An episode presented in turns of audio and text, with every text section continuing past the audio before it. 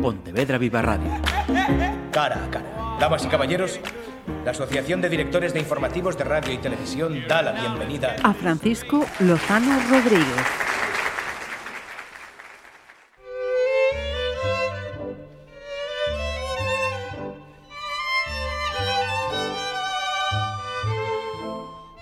Isabel. He aquí sus referencias. Vivió de cerca la inteligencia de su abuela. De su mano aprendió a caminar sola por la vida y sobre todo a sobrevivir. Asimiló la resignación juiciosa de su madre ante la adversidad que siempre la acompañó. Se sublevó ante el conformismo final de su hermana Mercedes. Compartió la desgracia de Inés. Se opuso a la prepotencia gratuita de los hombres eh, de su entorno y la imbecilidad acerril de los hombres de la casa de al lado. Resistió las incomprensiones a su firme voluntad de ganarse la vida trabajando, multiplicadas después con las miserias de la guerra. Vivió el tormento de la cruel violación con asesinato impune de su hermana pequeña Margarita, la muñequita con la que ella jugaba de niña. El recuerdo permanente de todo ello ni se imagina. De colofón, colmando su propio infortunio, un marido despiadado en grado sumo. Ni la inteligencia heredada de su abuela ni la sensatez de su madre le sirvieron para convivir con las desgracias. Todo esto transitaba por la mente de Isabel igual que viento huracanado arrasando a su paso. Descansaba cuando, cerrando puertas y ventanas de su cerebro, llenaba su cabeza con esa idea adueñada de su voluntad, liberarse de dependencias y dominios. No sabía cómo hacerlo, pero lo conseguiría. Isabel, acordándose de su abuela, afirmaba su voluntad de hierro. Cortar toda atadura era su lema. Emanciparse de la misma manera que decía su hermana Inés. Las dos habían aprendido la palabra de su madre que no olvidaría jamás. Qué lejos estaba ahora de aquel rosario de la aurora de la mano de su madre cantando y recitando con fervor. Isabel aquella mañana experimentó un entusiasmo pasajero que sin embargo no olvidó.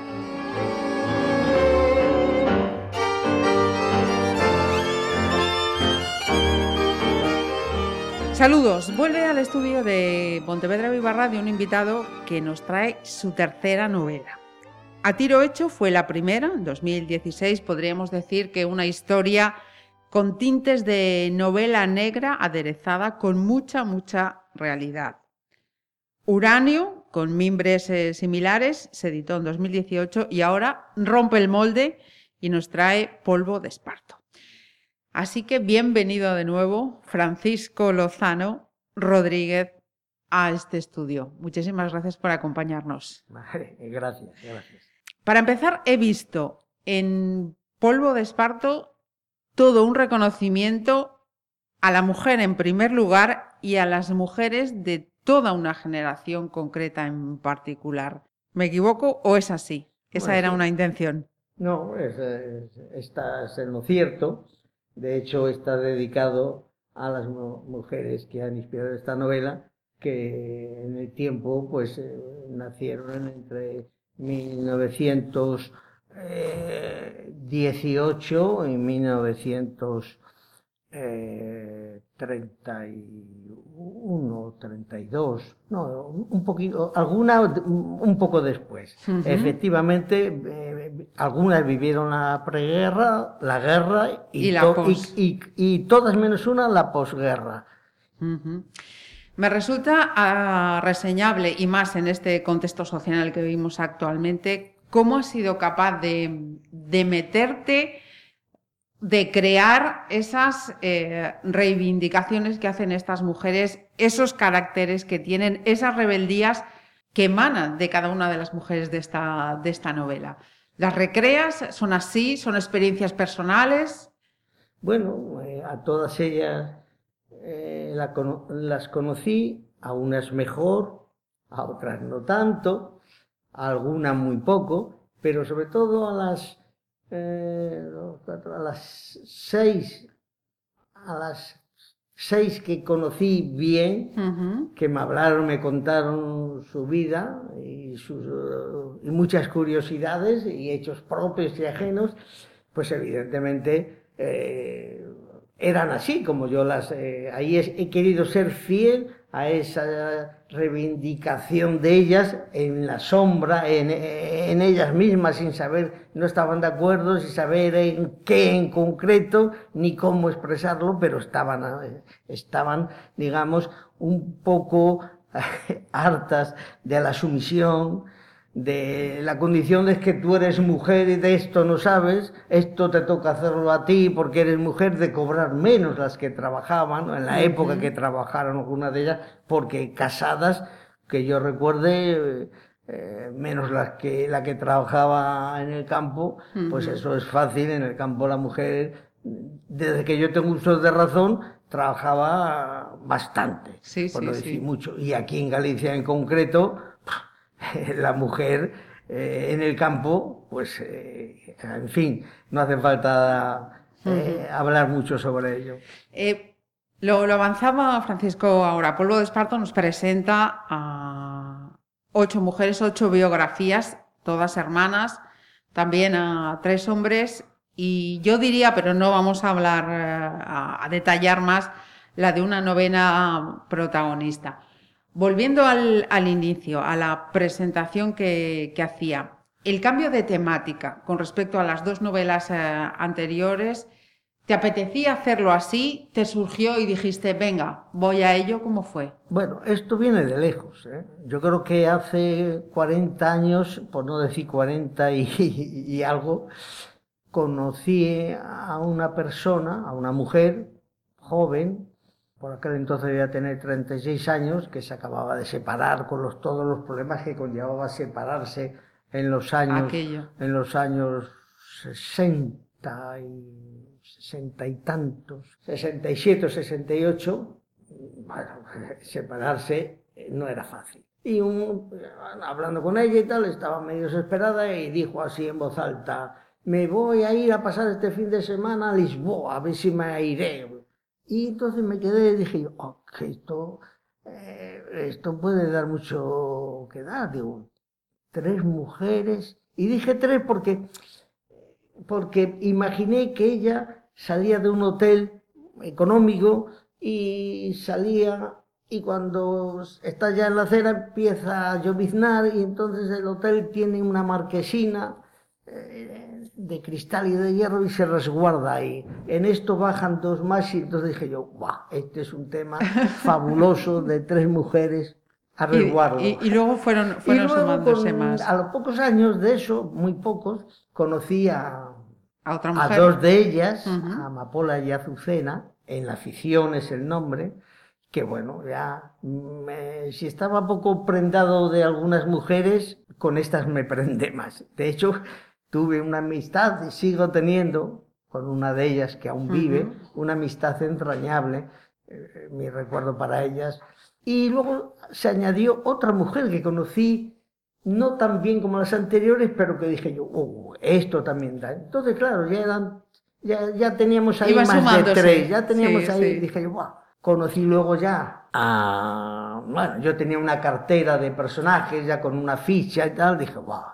Y si transformo esta novela manteniendo el fondo que era la rebeldía de las mujeres, de, una de, las- de estas mujeres contra una situación en la cual ellas siempre estaban perdiendo, ¿eh? laboral, social, de todo tipo, si la transformo en lugar de tres, porque me parecían poco representativo, son ocho que las tengo aquí, entonces ahí empezó la ficción. Armando, armando el esqueleto. "Va, voy a hacer unos capítulos para cada mujer. Sí, y ahí, sí, ahí así se nació Polvo de Esparto, sin olvidarme, que no lo tengo olvidado, de estas mujeres en que fueron a Lisboa y, se- y- y les llovía encima. Y, le- y les llovía. Eh, insisto en esta parte porque me, me- me parece además que es eh, reseñable. Eh, en esta novela, mujeres adelantadas a su tiempo, mujeres que eh, evidencian el, sometimiento que, sufrían en, en silencio, el sometimiento a esa sociedad eh, que las obligaba a ajustarse a unos roles, a una violencia callada. También eh, nos encontramos, y además lo estamos diciendo, en la semana en la que se va a conmemorar el 25 de noviembre, el Día Internacional contra la Violencia de Género. Y todo eso, eh, todas esas eh, experiencias, mezcla de la experiencia, valga la redundancia, vital de, ese autor, de Francisco, y, la ficción, eh, las condensa en, en un libro que lleva la firma de un hombre.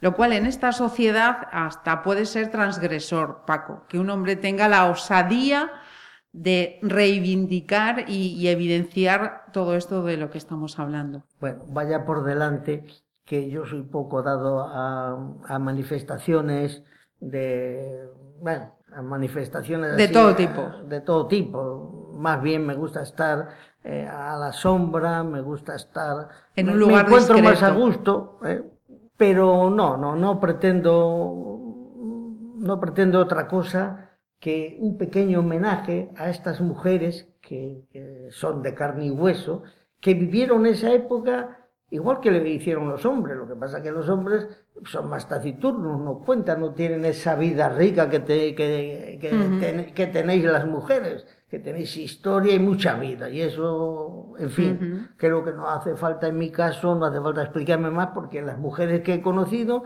tanto en un ambiente familiar como en el, trabajo laboral, pues eh, casi todas, por no decir todas, por no que no me digan, entonces los hombres que somos, pues los hombres somos lo que somos y las mujeres somos son lo que son y bueno, eh, ¿qué es mejor? Pues no sé, no, no me voy a apostar aquí yo porque es mejor, lo que pasa es que las mujeres son así, entonces negar esa evidencia de las mujeres es como, oiga, ¿usted en qué mundo vive? Eh, pues no, yo vivo en este y estoy rodeado de esto. Y no, no me resulta nada extraño, ni me ha supuesto ningún ejercicio mental ni filosófico el decir que la mujer, estas mujeres, y casi todas, por no decir todas, porque en fin, las, igual que los hombres, los, eh, hay más listos y menos listos.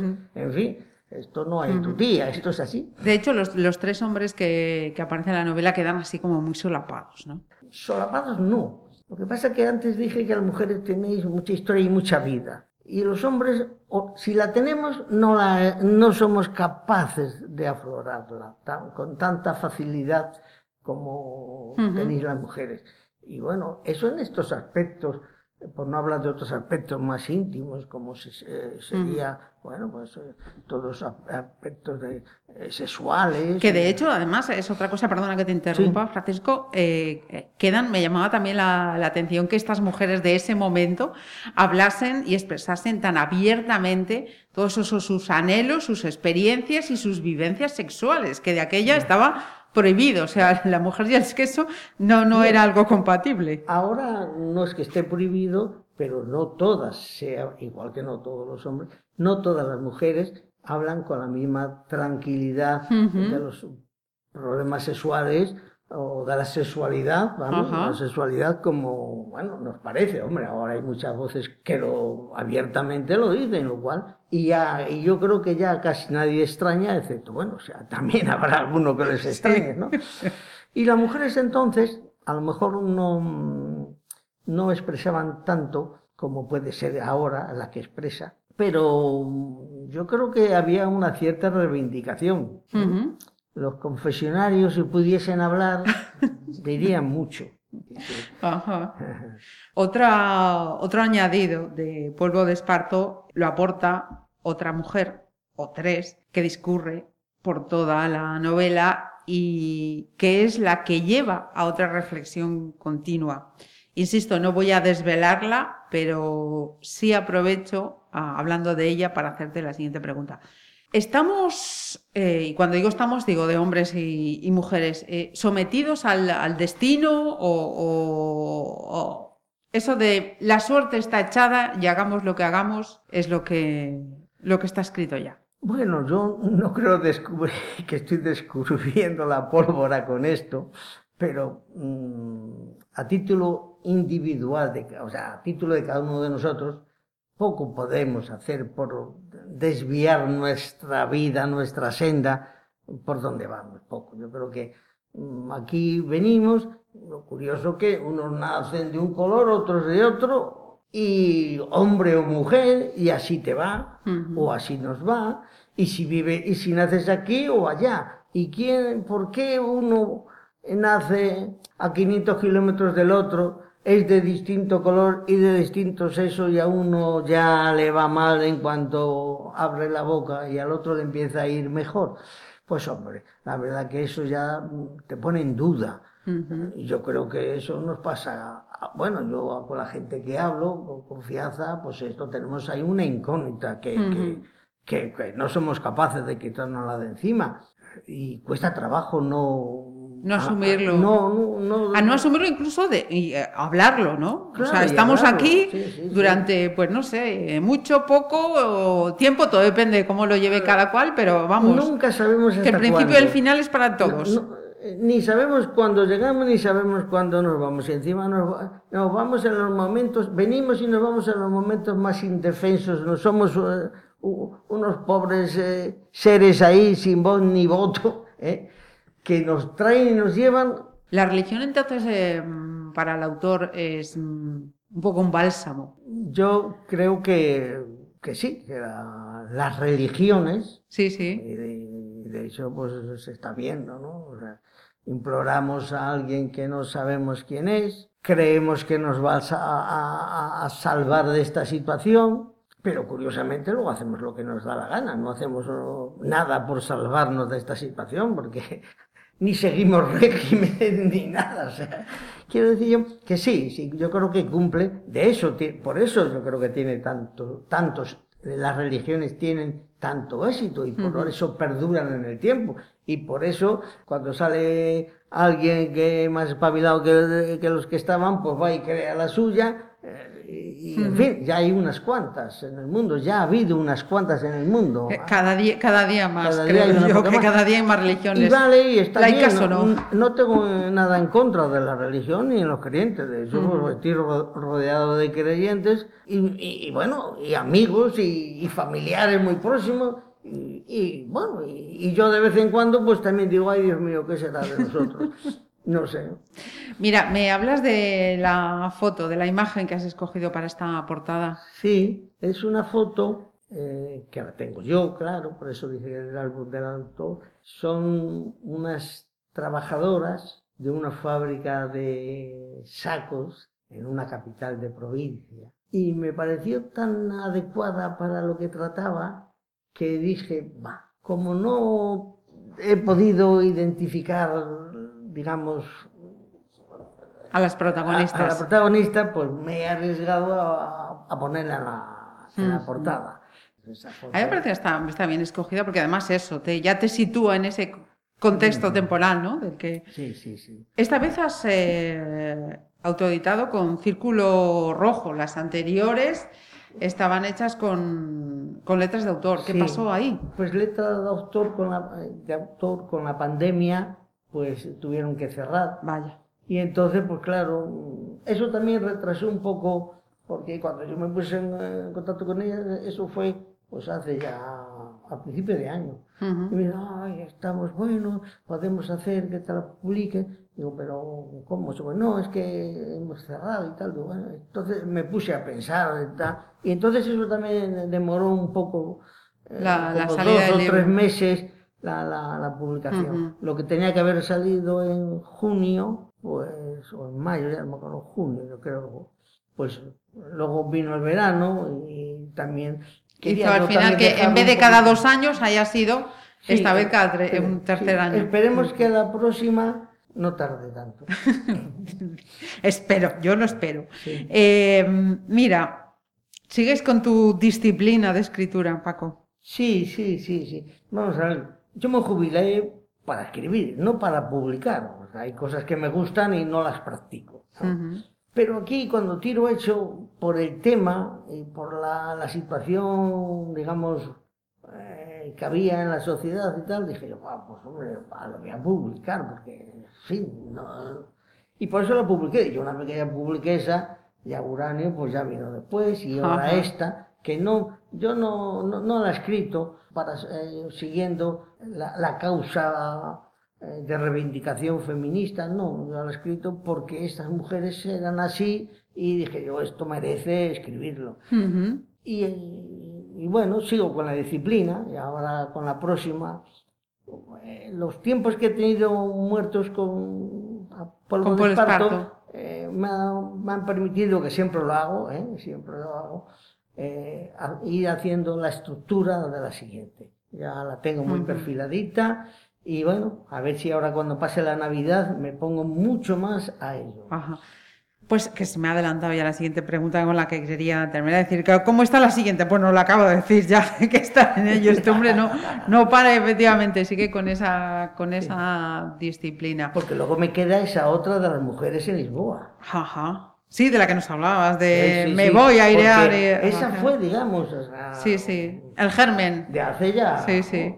Pues lectura recomendable, de verdad, no es porque su autor no nos acompañe, sino porque de verdad merece la pena acercarse a Polvo de Esparto y conocer a, esas eh, mujeres y a esos hombres que también desfilan por, por, este libro. Con tu permiso, Paco, además, quisiera eh, como he hecho al principio, terminar con una breve lectura de otros parrafitos para que quienes escuchen se hagan una idea de, lo que estamos hablando. Vale, Muchísimas gracias y hasta la próxima porque cuento con ello. Sí, sí, sí, yo también, yo también. Un abrazo, Paco. Muchas vale, gracias. Muchas gracias.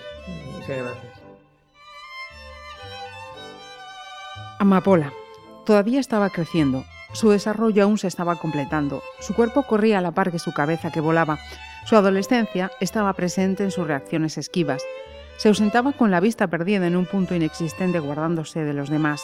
Tenía miedo de que alguien pudiera descubrir o imaginar sus secretos que no eran otros que soñar. La pintura, las grandes ciudades, los viajes a ultramar y un novio de acompañante hasta que se cansase de él. Los hombres están llenos de simplezas, decía. Irá de ciudad en ciudad al cine a ver Gilda, si sigue en cartelera, el ideal de mujer que Mapola soñaba con llegar a ser.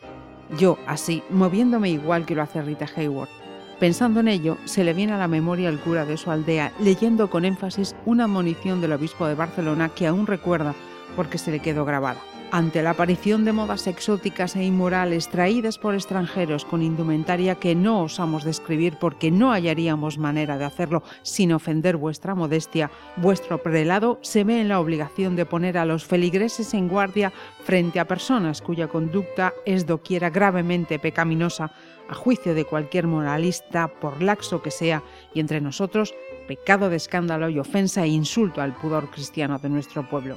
Después de escuchar la reprimenda venida desde la otra punta de España, Amapola solo fue capaz de decir casi en voz alta, este obispo debería salir a la calle, o mejor aún, visitar de incógnito una fábrica de conservas de pescado, una de esas naves apestosas en la que las mujeres aguantan la jornada sin una banqueta en la que sentarse.